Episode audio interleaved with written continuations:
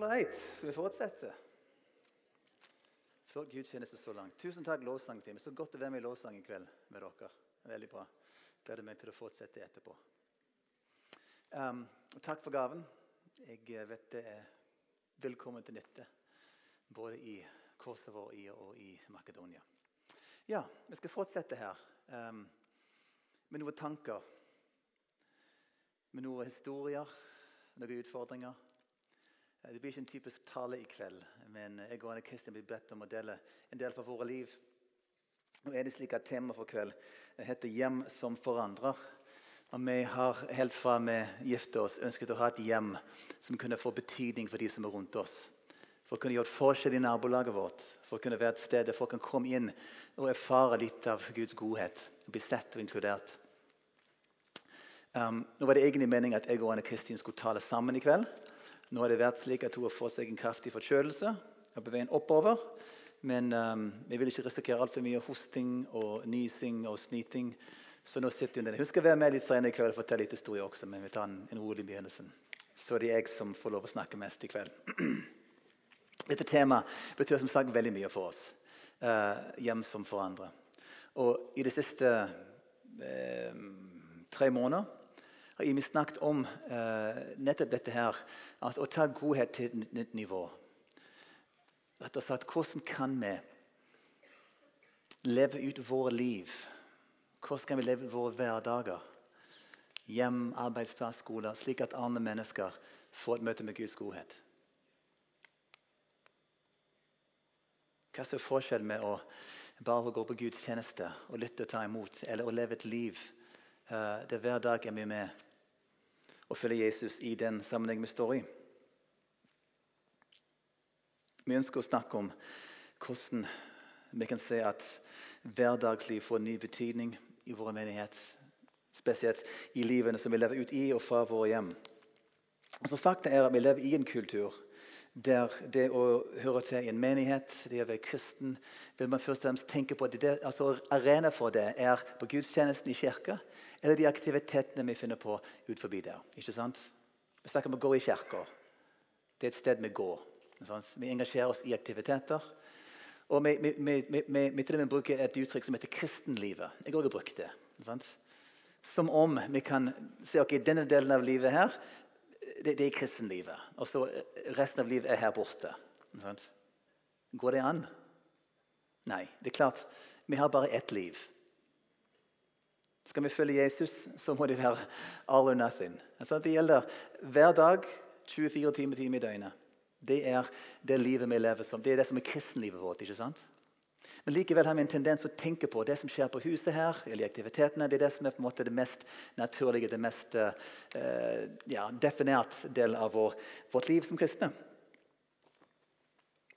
Fakta er at det livet vi lever i våre hjem, på våre arbeidsplasser, på skoler, det vi trener, det vi gjør altså her vårt hverdagslivet, det er like viktig som den delen av livet vi, vi bruker her i kirka og på våre aktiviteter.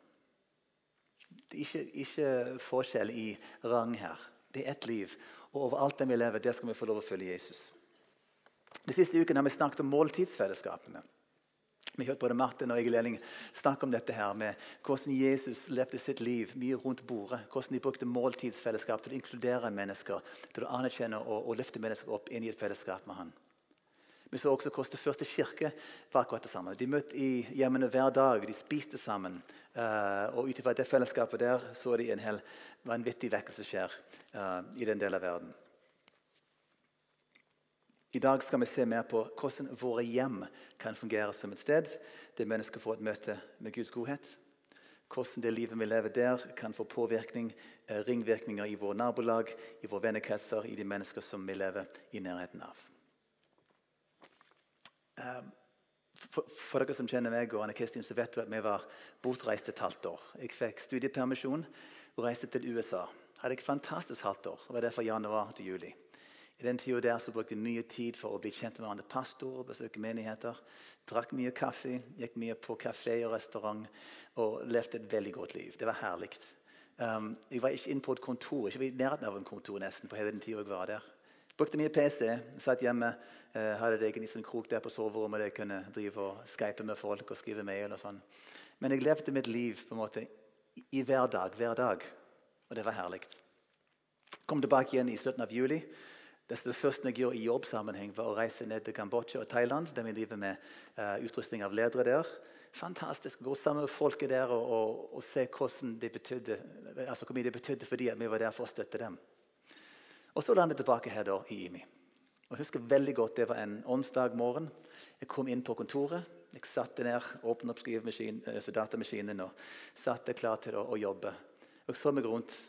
Sånne fine, hvite vegger sant? og en sånn arbeidsplass der. Og eh, jeg kjente nesten et brøl som begynte å komme opp inni meg. Sant?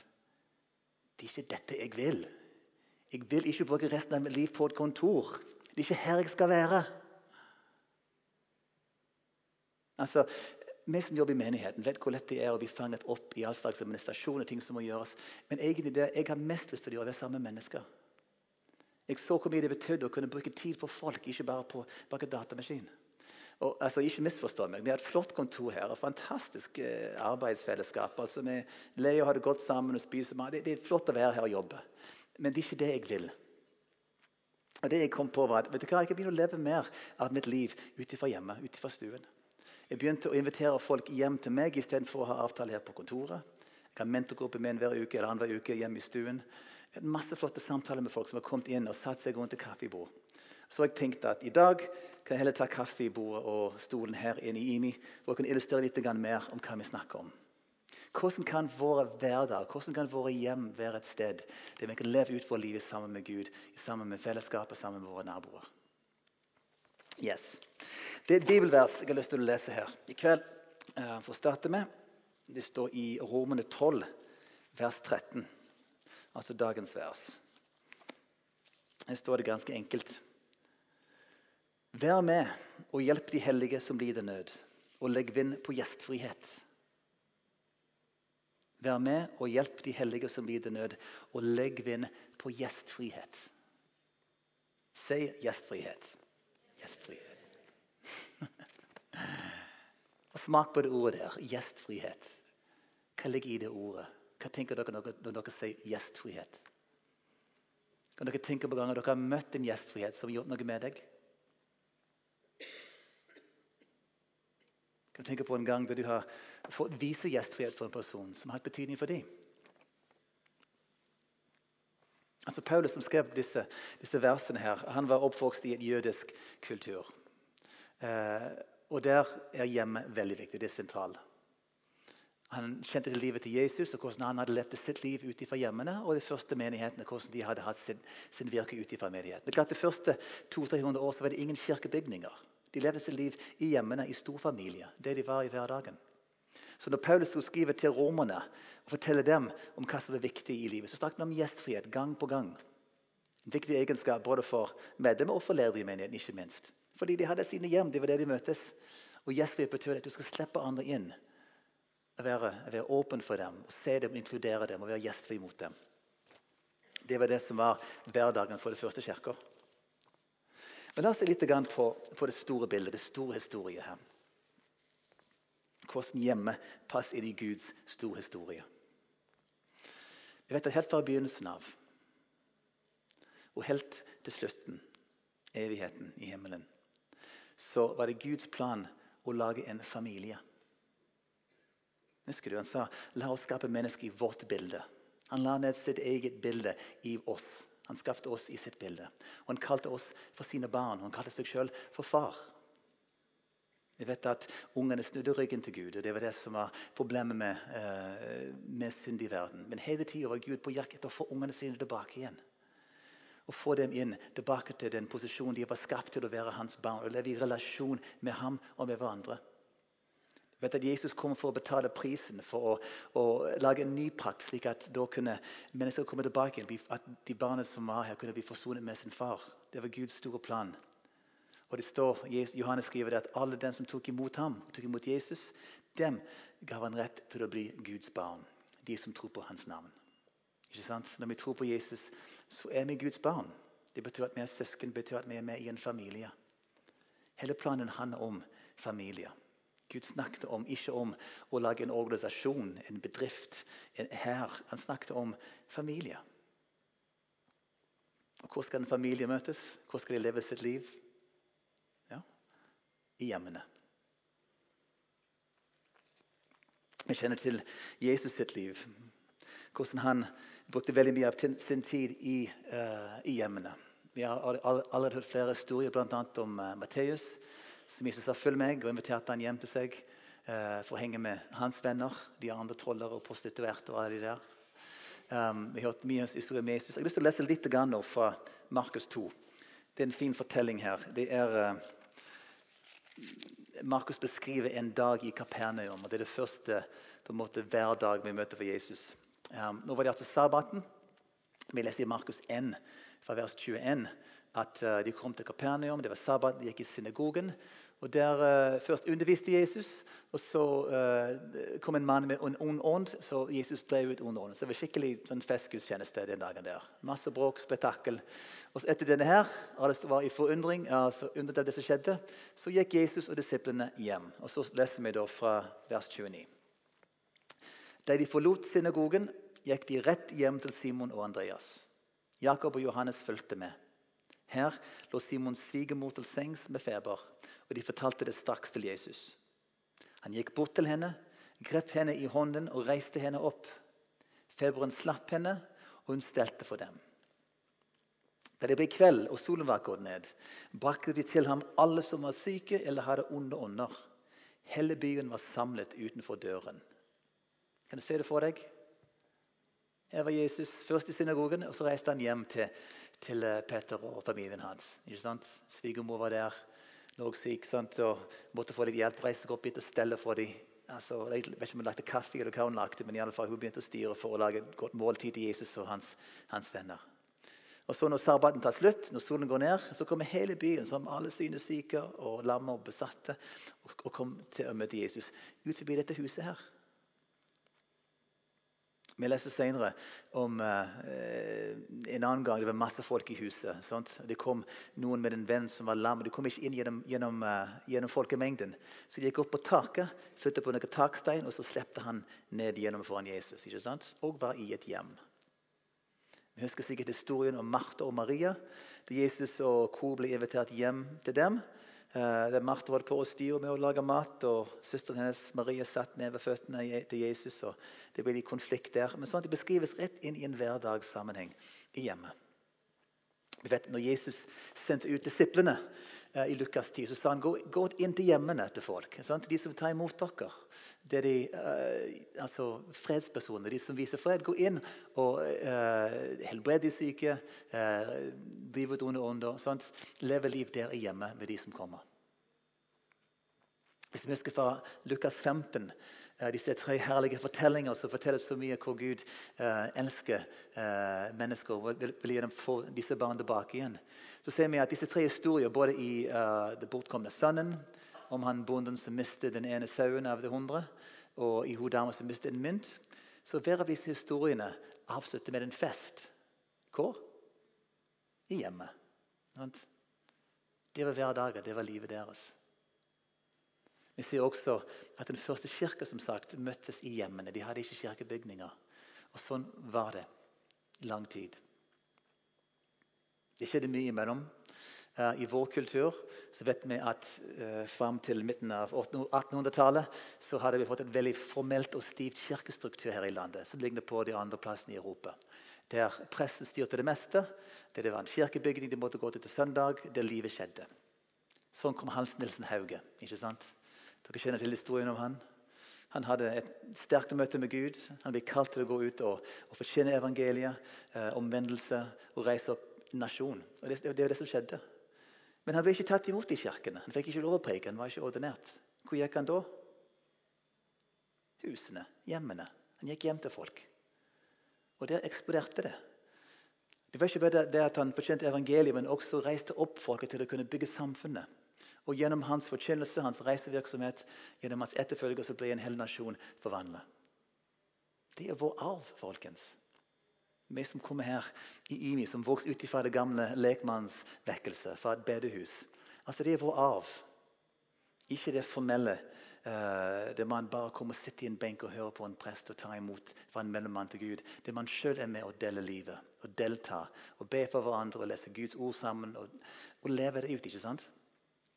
Det er det vi har sett. Og Den arven har vi tatt vare på også i hjemmene våre. Vi snakker om kjøkkenbordet som et begrep her. At livet til så mange uh, mennesker har blitt forvandlet gjennom kjøkkenbordet. Det får jeg tid til å sitte ned og ta en samtale og snakke om tro og snakke om liv og se de som sitter der. Hvor mange mennesker er som kan huske tilbake igjen til et møte de fikk uh, med et menneske over et bord, som virkelig forandrer livet deres? Ja, mange. Kan du se det for deg? Hjemme. Kaffebordet, kjøkkenbordet. Det er klart at eh, Dette har alltid vært der. Det er ikke noe nytt. Men jeg tror det som ofte skjedde, er at vi har nedvurdert det. Vi har tenkt så ofte at det, det skikkelige gudslivet skjer på bedehus eller i kirker. Mens det som skjer ut forbi, er bare som kommer i tillegg. Det må vi gjøre, folkens, er å løfte det opp og si vet du hva? det er minst like viktig det som skjedde der. Disse mennesker som har møtt andre rundt et kaffebordet, de har vært minst like viktige som de som har stått på prekestolen og talt om Guds ord. Og Kanskje spesielt kvinner fra tidligere generasjoner fra denne generasjonen må få en, en liten oppreisning, en anerkjennelse av vet du hva? Det som dere har gjort der, det er stort, det er sterkt. Det er med å bygge et folk og fremme Guds rike i dette landet. her. Og Hvor skjer det? I hjemmene. Da kommer Anne Kristin. Jeg tror Vi kan snakke litt om vår historie her, og hva det betyr for oss å ha et åpent hjem. Vær så god.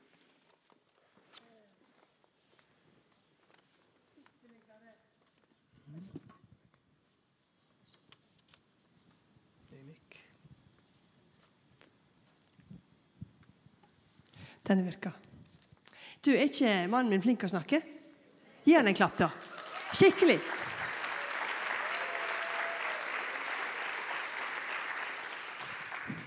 Ja, sånn, det, det er jo farsdag i dag, så vi må klappe litt. Um,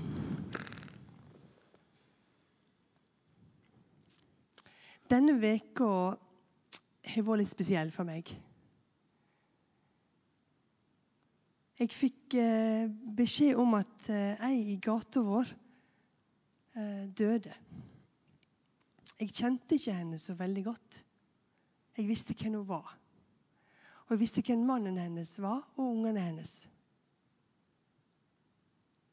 Det slo meg plutselig at jeg hadde bodd i denne gata i ti år.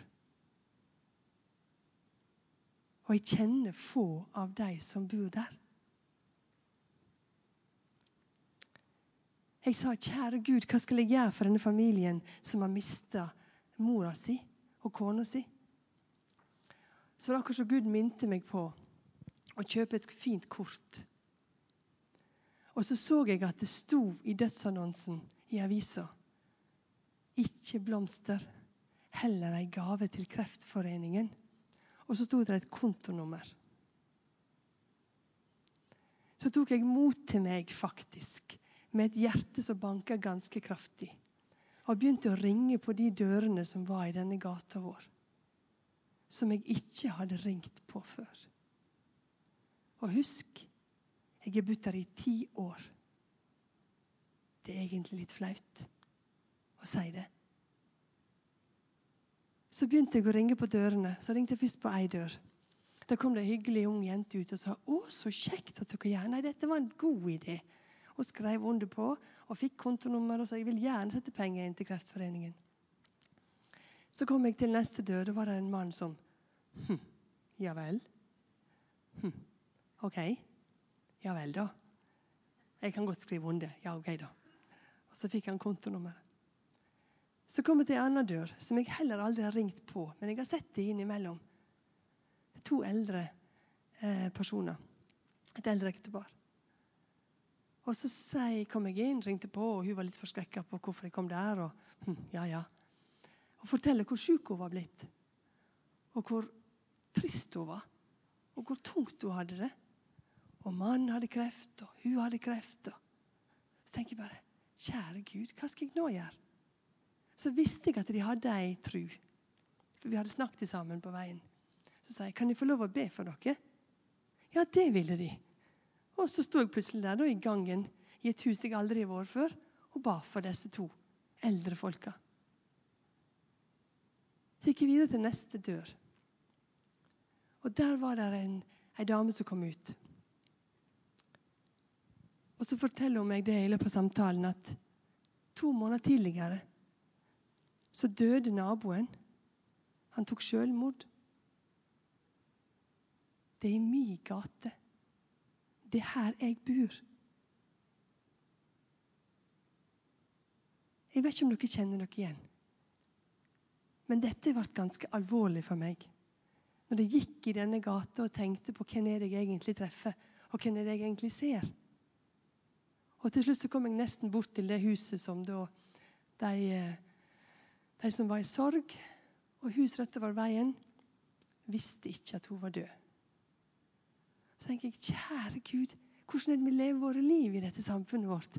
I min gate. Hvordan er det jeg blir kjent med mine naboer? På hvilken måte gjør jeg det? Gi det oss et hint. Jeg kjente at det var veldig utfordrende å gjøre. Det var veldig vanskelig for meg å gjøre det. Men det ga meg en sånn Både en opplevelse av litt sorg, å være flau, og samtidig takk og lov at jeg gjorde det nå, da. For jeg har jo bare ett liv. Altså, Jeg kunne jo venta ti år til. Men jeg gjorde det heldigvis nå. Og jeg fikk en, på en måte en unnskyldning til å gjøre det. Selv om jeg ba Gud om å få en, en, måte å gjøre det på, så var det ikke akkurat sånn jeg hadde tenkt det skulle være. For det var litt mer strevsomt for meg enn jeg hadde tenkt. Ser dere? Hvordan skal vi leve våre liv i våre nabolag? På hvilken måte forteller Gud deg at du skal gjøre det? For meg og min oppvekst så er det med relasjonen vår voldsomt viktig for min tro. Jeg er vokst opp på en gard på Sunnmøre langs en fjord. Det var ikke så veldig mye folk der. Og Jeg bodde i samme hus som min oldemor og min bestemor, som var fire generasjoner i ett hus. Kan bare tenke dere. Vi var fem søsken. Altså har, vi er fem søsken. Så mine foreldre hadde det forholdsvis travelt, vil jeg si. Gardbrukere, lærere og i det hele tatt. Hadde ikke så god tid å snakke med meg, som var eldst. Men heldigvis så hadde jeg ei bestemor, ei farmor på loftet. Og Hun kunne bare snike meg opp trappa. Og så var det havregrynsuppe med en gang på bordet. Og så satt jeg der og tegna og spiste havregrynsuppe med sukker i. Og så spurte hun meg Anne Kristen, hvordan går det med deg. Og så fikk hun få lov å fortelle noe om sin tru. Hvordan hun opplevde det å be til Jesus, og hvor godt det var for henne. og Hvor viktig det var for henne. Så fikk jeg lov å høre på dette. Så måtte jeg flytte på hybel da jeg var 16 år. For sånn er det når du bor på Bygde-Norge faktisk. Og det var veldig greit. Jeg syntes det var supert å flytte fra alle de ungene hjemme og alt det maset. Men det var litt skummelt òg. Og heldigvis flytta jeg til tante og onkelen min. Og han, Onkelen min han var en sånn stor mann. Skikkelig skippermann. Han var skipper på en svær fraktebåt. Gikk langs hele kysten. Og han hadde ferie over Stad. Dette kunne han. Og det var storm, og det var mye, og han var en skikkelig mann akkurat skikkelig mann. Men han var en sånn mann som på en måte så stor ut, men han hadde et hjerte av gull å fortelle om Jesus. Så når han var hjemme på fri, liksom da, så sa han alltid til meg Anne Kristin, kom opp i stua, så kan vi ta en prat. Og så fikk jeg lov å sitte inn i denne her armkroken hans. da. Og så spurte han meg hvordan er det å flytte på hybel. Hvordan er det å bo her i Volda? Og hvordan er det med trua di? Har du ei tru? Og så fikk jeg lov i hans armkrok å snakke om det som var vanskelig, og det som var godt. Og det som på en måte utfordra meg i forhold til tru. Og så vokste det fram ei personlig tru hos meg. Hvor mange av oss har ikke opplevd at det å komme til tro har vært gjennom en relasjon? over gjerne et kjøkkenbord eller et spisebord eller et stuebord, der noen har tatt tid til oss og faktisk sett seg ned og hørt på hva jeg hadde å si. Da jeg kom til Norge i 1981, så var jeg ung. Kjente ikke norsk, jeg kunne ikke språket og kjente ikke til kulturen. Men um, jeg bodde på Vassøy og traff en gjeng med ungdom der som, som trengte en trommeslager i deres kristne band. så ble med der. Jeg har fortalt historien før. Men det som faktisk ikke har ikke tenkt så mye over før i det siste, var hva betydning stuebordet og kjøkkenbordet hadde for meg i den tida der. For han kompisen min som var med å, og føre meg til Jesus, han bodde hjemme hos sine foreldre. De var så åpne inkluderende. Bare, kom opp, come and have some supper with us. Sant? Inviterte meg opp. Jeg fikk lov å sitte rundt kjøkkenbordet, spise med dem, snakke med dem, lære om liv, om kultur og om tro. Jeg var med ofte i deres hus. De inviterte meg til og med inn på de store dagene. På julaften, på konfirmasjoner. Jeg fikk, måte, jeg fikk være en del av deres familie. Og Gjennom denne forholdet, denne, dette forholdet her, så også kom jeg eh, til å ta imot Jesus. Så det er klart at Hadde det ikke vært for den familien, hadde det ikke vært for en kompis som tok tid til meg, hadde det ikke vært for kjøkkenbordet hjemme og måltidene og foreldrene hans, så hadde jeg sikkert ikke stått her i dag. Så viktig var det for meg. Og når vi fant hverandre og snakket om våre historier og våre liv, og hva vi drømte om og hva vi tenkte, så var det klart at fra begynnelsen av ønsket vi å bygge et hjem som ville være åpne for andre inkluderende, der vi kunne se mennesker og trekke dem inn i vår, eh, i vår familie.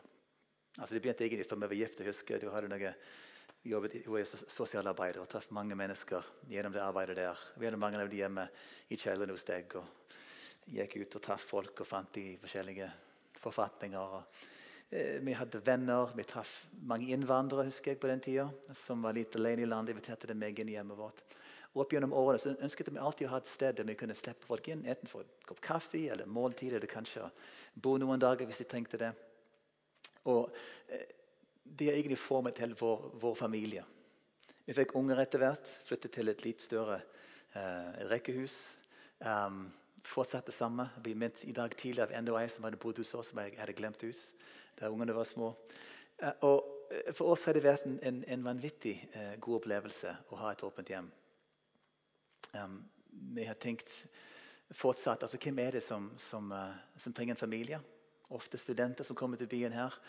Jeg kan liksom se meg sjøl for noen, noen år, 30 år siden. Uh, unge par som trenger noen å snakke med, et forbilde. Uh, hvem de måtte være. Og Vi har en vanvittig glede av å inkludere folk inn i vårt hjem. Det koster oss ned også. Det er ikke vært like lett. Det er ja. Det er så lett å si ja, bare invitere inn. Ja, ja, du kan jo si det hvis det ikke er spesielt ryddig. Det er ofte jeg som føler på det som, som dame. da. Jeg vet ikke hvorfor det bare er sånn fortsatt, dessverre. At det er liksom Ja. Jeg har litt standard på hvordan jeg syns det skal være. Jeg vet ikke om dere kjenner dere igjen, men det er iallfall sånn hos meg. Og jeg har vært nødt til å tenke, senke noen terskler i mitt, min standard. da. Og så har jeg lært meg noen triks. Eh, det er veldig lurt da, folkens, hvis du skal få besøk og vaske yttergangen med grønnsåpe for å se ut som hele huset er rent. Lukter veldig godt.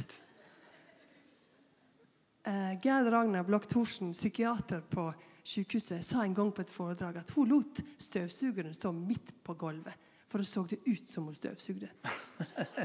Og det tenkte jeg. Hallo! Ja, Det var litt voldsomt, men det var jo en ganske interessant triks. Eller vaskebytta. Med kjøkkenbenken, da? Ja, så er det jo sånn, Vi har jo sånne oppsamlingsplasser da, der vi samler ting. Jeg vet ikke om dere har det, men vi har det iallfall på kjøkkenbenken. Der havner alt, liksom. Alt fra aviser, skolebøker, ei hue, diverse Regninger. andre ting. Hæ? Regninger. Regninger. Alt ligger der, liksom. Og så er det ikke alt du kan bare rydde opp i det i full fart. Så legger jeg bare en duk over. Fint? Ja. Ingen ser det da? Tenkte yes.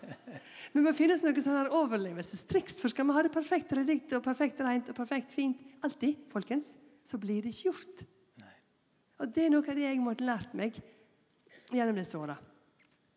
Um, og jeg har måttet svelte noen kameler. Dere må ikke tro at jeg er bare liksom tenker, hjelp, helt, kom igjen. Det er helt fint uansett. Men det er faktisk det har vært faktisk eh, greit å gjøre òg. Jeg tar ikke det fullt så høytidelig lenger. Det går an. Altså, det er klart det er en utfordring her. Sant? Når det er egne barn altså folk kommer inn som trenger tid og oppmerksomhet, hvordan skal du balansere dette her? Vi har opplevd flere ganger å måtte sette grenser. Kanskje folk som har krevd for mye eller opplevd det tatt for mye plass. Sant? Vi må av og til si vet du hva, det er flott å ha deg, men akkurat i kveld må vi ha litt fritid med ungene våre. Sant? Eller flott at du er her, men akkurat nå passer ikke. Men kanskje kommer tilbake inn i morgen. Sant? Eller, det er ikke alltid vi kan bare la folk flytte inn og, og stuke oss som de vil. Så det er ofte utfordringer der. Sant? Hvor langt skal vi gå? Hvor skal vi trekke oss inn igjen? Og um, jeg har vært redd flere ganger for at ungene våre vil oppleve at det gikk egentlig over en strek. At det ble for mye for mange som, som var i huset der. Men det vi har sett, egentlig, er at dette har vært vanvittig bra for hele familien. Vi har fått barn som har skjønt etter hvert at uh, det er like viktig å se andres behov og, og hjelpe andre enn de er og kreve ting sjøl. Vi har vært unger som trives i lag med andre, som er sosiale. Som klarer å holde en samtale med andre voksne. Vi har fått unger som um, virkelig viser omsorg til mennesker som er i nød. Og dette skjedde fordi de har sett det hjemme, fordi de har vokst opp med dette. her. Og jeg kan si at Det er klart det koster oss en god del dette her opp gjennom årene, å ha et åpent hus. Ikke er ikke like lett. Men det, vi, har fått, vi, har fått, så mye mer igjen for det. Jeg tenker på den utvidede familien vi har. På folk som vi teller på for som våre ekstrabarn eller reserveforeldre. beste foreldre. Altså, de er en del av familien vår.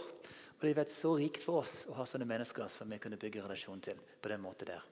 Han onkel Egil sa til meg Du er eldstedøtra vår, du, Anne Kristin. Hva betydde ikke det for meg at han sa det til meg? En ekstra. Han hadde fire døtre fra før og en sønn, så det var ikke at han hadde for få døtre. Sant? Du er eldstedøtra i huset, og det er jeg fortsatt. Så når vi treffes, så er jeg eldstedøtra. Herlig. Men hvor går veien videre for oss? Altså, vi har tenkt noe det siste.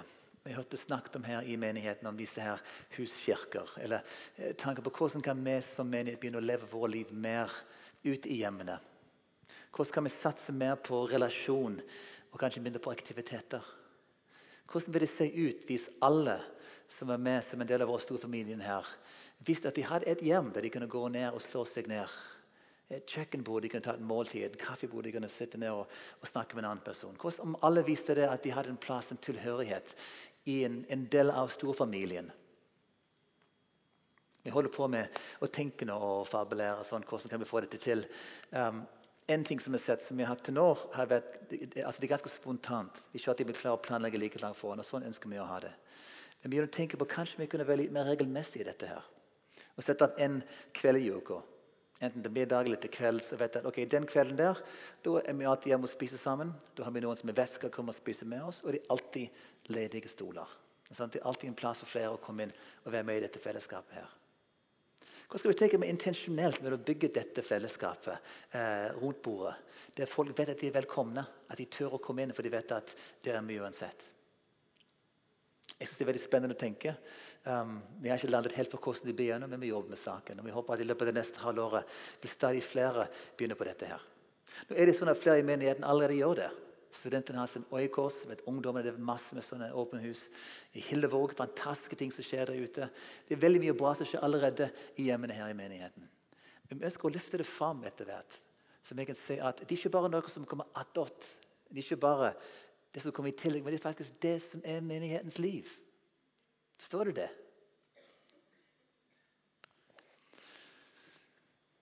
Ja, nå kommer vi til den gøye delen. Dere vet at Vi skal ikke bare snakke om hvordan vi har det, men vi skal utfordre dere også. Hva betyr det for dere, det vi snakker om nå? På hvilken måte kan dere se at deres hjem kan bli et sted der andre mennesker møter Guds godhet? Jeg vet det er en del her som sitter og tenker meg, ok, det gjelder ikke meg, for jeg har ikke et hus. Sant? Jeg bor i en hybel, kanskje bare et rom hos mine foreldre. kanskje Jeg sant? Jeg vet ikke hvordan det ser ut hos dere. Kanskje det er en del som har et hus, men av en eller annen, grunn så kan de ikke slippe folk inn i det. Noen som har eh, altså sykdom i familien, uh, situasjoner som gjør at vi ikke kan invitere folk inn i husene våre. Altså, Kanskje jeg heller spørre istedenfor um, hvordan kan du vise gjestfriheten ut ifra ditt hjem? Kan jeg heller spørre, Hvordan kan vi vise gjestfrihet ut ifra min hverdag? Hva bytte ut hjem med hverdag? Altså, hvordan er det vi lever våre liv? Hvordan er det vi bruker tiden? dere som er studenter. Sant? Hvor lenge henger vi på skolen? Er det på kafeen der? Eller, eh, hva, hva er det vi holder på med? Treningsstudio? Eh, sitter og ser på fotballkamper? Altså, Hva er det vi gjør allerede i hverdagen? Der vi kan invitere folk inn. Vise den gjestfriheten, slik at vi kan dele livet med andre. Over lang tid så, brukt, så ba vi en del om dette, hvordan det kunne se ut. Og veien blir til mens en går. En får ikke alltid det perfekte bildet. eller akkurat sånn skal det være. Men en må ta noen sjanser og ta noen utfordringer og gå noen steg. Eh, og Det skjedde i forhold til det som eh, vi deler her nå. At det, Dette er en måte å gjøre det på. Og så er Gud ufattelig mange andre måter som han kommer til å vise dere. På hvilken måte kan det skje i, mitt, i ditt liv? På hvilken måte lar du deg, tar du utfordringen? Lar du deg utfordre? For det er nok av folk som trenger både kjøkkenbord og noe som er tid, å kunne sitte i en armkrok eller servere havresuppe med sukker på. Legg vind på gjestfrihet. Forrige uke fikk jeg en fantastisk SMS fra en venn. Den spurte hun og sine venninner kunne komme hjem til oss og lage middag på tirsdag. En person som lever i en liten hybel uten kjøkkenet. Men så kom hun hjem til oss og lagde middag. Det koster litt. det, var ikke lett. Altså, det var ikke bare lett. Men, hun er, sitter her, altså. Jeg vet det. Sitter der nede. Ja. men jeg tenkte å, inn på mitt kjøkken det var ikke akkurat det reneste kjøkkenet. Jeg har ikke akkurat vasket det nå i det siste. Um, så det var jo litt sånn. Men så tenkte jeg guri malla for en velsignelse. La meg på, på sofaen bare i trass med beina høyt. Og så plutselig var middagen på bordet. Thai-middag vet du, og det ene med det Så deilig! Det var helt fantastisk. Og nå tenker jeg videre, Hvis vi skal begynne med en fast kveld hjemme hos oss, vil jeg ha hun med på det. sant? Hun kan ikke invitere folk hjem til seg sjøl. Hun kan være med del av vårt vertskapsteam. Sant? Det er vår store familie. Hun lager mat? Ja, hun lager mat. skal invitere med sine venner. Sant? Hvordan skal vi tenke sammen? Altså? Ikke bare meg og mitt hjem og slippe folk inn der. Men oss i vår del av familien. Hvordan kan vi begynne å leve sammen slik at vi ikke inkluderer flere i det? Altså, jeg vet det er veldig mange utfordringer i dette. her. Uh, mange unnskyldninger vi har for å ikke gjøre det. Det ene av de er tiden. Alle har det travelt. Mer enn noe å gjøre. Men det vi snakker om nå, ikke en ny aktivitet. En ny gruppe. Vi snakker om hvordan skal vi slippe folk inn i hverdagen, der vi allerede lever. Sånn vi spiser måltid uansett. Hvordan skal vi slippe folk inn ved det der? Sånn jeg elsker å se på Liverpool-fotball. Inviterer folk hjem til å se på fotballkampen med han. Eh, folk liker å gå tur, inviterer folk med på turene, på treningsstudier. Hva er de punktene der vi kan invitere folk inn i hverdagen vår? Jeg vet at også, Vi snakker om perfeksjonisme er en stor utfordring. Sant? Eh, vi må ha det slik og slik. Vi må lage til kaffe og kaker. Sant? Men kan vi heller bare tenke å slippe det. Være litt spontane og slippe folk inn der de er. Jeg vet også at En viktig grunn til å la være å invitere folk hjem kan være fordi vi ikke tør. Det kan være menneskefrykt. Sant? Det koster mye for enkelte å gjøre dette her. Og det forstår jeg veldig godt. Men er, altså, alle trenger ikke å være sånn som meg og Anne Kristin. Sånn, de trenger ikke være ekstroverter og åpne hus. og masse sånn. Bare tenk på, Hvis du selv er introvert, hadde det ikke kanskje lett å komme hjem til en som var litt introvert også? Sant? Som ikke snakket hele tida. Hvordan kan vi møte hverandre det vi er? Det er mange grunner til å la være. Men det jeg har lyst til å gjøre igjen, igjen i kveld, er å utfordre dere og invitere dere til å ta et skritt. Hvordan kan det se ut i min liv, mitt liv, min hverdag? Hvordan kan jeg slippe folk inn og vise gjestfrihet, slik at de kan få et møte med Guds godhet? Og Det er klart det koster noe, men vi får så mye igjen. Vi får så mye igjen. Amen. Amen. Lovsangsteam, kom opp her.